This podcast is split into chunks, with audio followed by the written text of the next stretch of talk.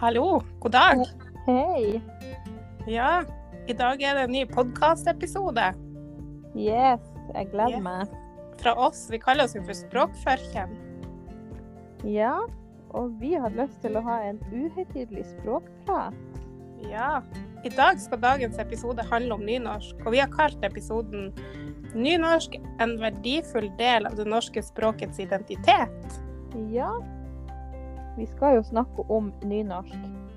Det blir jo naturlig da at vi begynner å fortelle litt om hvordan og hvorfor det oppsto. At vi ser litt i historien først. Ja, og så blir vi jo nødt til å snakke om han Ivar Aasen. Han er jo viktig når det handler om nynorsk. Ja, og når vi har vært innom de tingene der, så kan det jo være greit å fortelle lytterne våre hvorfor vi syns det er viktig å lære om nynorsk. Ja, det kan vi. Så må vi jo ha litt historie, da. For eh, det var jo sånn at Norge var inn i union med Danmark fra 1537 til 1814, sånn ca. 300 år. Og da var hovedstaden København, og den største byen i Norge var Bergen. Og på denne tida så var Norge et jordbrukssamfunn, og mange var bønder. Og etter at Danmark-Norge var på den tapende sida etter napoleonskrigene, ble Norge bytta bort til Sverige etter en avtale som ble gjort i Kiel. Nei, men det her hadde vel ikke Norge så lyst til å godta. Nei, det ville vi ikke. Så mens Sverige var opptatt av å forhandle med Na- Napoleon, porta norske embetsmenn seg og til å samles på Eidsvoll. De satte opp en egen grunnlov og erklærte at Norge var et selvstendig land. Jaha, var det så lett? Nei, det ble en liten krig mellom Norge og Sverige da. Men etter forhandlinger mellom landene ble det enighet om at Norge skulle få sin egen nasjonalforsamling. Kongen skulle fortsatt være svensk. Så nå var vi altså i union med Sverige. Men Norge hadde fått mer selvstyre enn da vi var i union med Danmark. Ja. Og så var fortsatt skriftspråket i Norge dansk. Og mange av dem som bodde i byene, de rike og dem som hadde innflytelse, de snakka i blanding av dansk og norsk. Og de skrev på dansk, da. Men nå som Norge da ikke lenger var i union med Danmark, så vokste det frem et ønske om å få et språk som var mer norsk. Og det var mange ulike meninger om hvordan man skulle få det til. Men vi skal ikke gå inn på hele den diskusjonen der. Nei, vi skal snakke om han Ivar Aasen, som vi sa i begynnelsen av podkasten, om hvordan han jobba for å få et eget norsk språk. Ja, han Ivar Aasen, hva vet vi om han, da? Eh, vi vet nå det at han var født i 1813 i Ørsta på Sunnmøre, og han kom fra en familie som drev, eh, eh, drev et småbruk, og de hadde ikke så mye. Og så denne presten i Herøy, han så et talent i han Ivar, og ga han opplæring.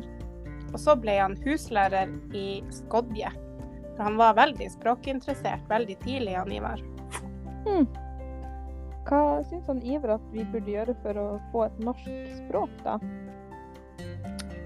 Han eh, ville jo at det språket som allerede var i Norge, altså de norske dialektene, skulle være grunnlaget for språket.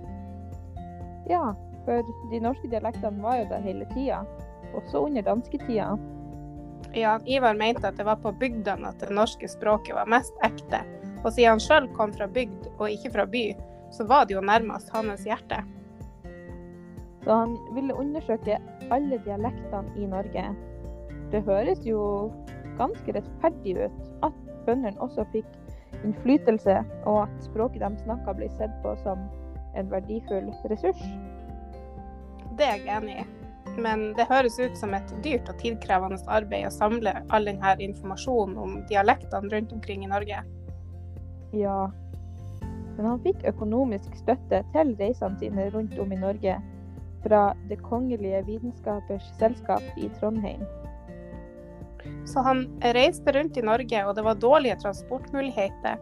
Noen plasser var vanskelig å komme seg til, og da hadde han til og med hjelpere som sendte han opplysninger om ord og uttrykk fra den plassen.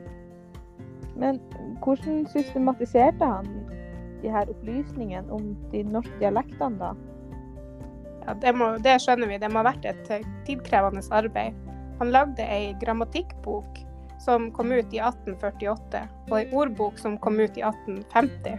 Men det var først i 1873, altså ganske mange år senere, at han hadde klart å lage en skriftlig versjon av det norske språket han hadde lagd. Det het først landsmål, men så fikk det navnet se nynorsk senere. Det har jo vært endra mye etter det. Men sånn er det jo med språk. Det endrer seg hele tida. Ei god stund ble det jobba for å få bokmål og nynorsk til å smelte sammen, kan vi si, til ett språk. Men så ble det bestemt at det skulle bli to sidestilte språk for ca. 20 år siden. Sidestilt? Betyr det altså at nynorsk og bokmål er like mye verdt? Ja, det betyr det.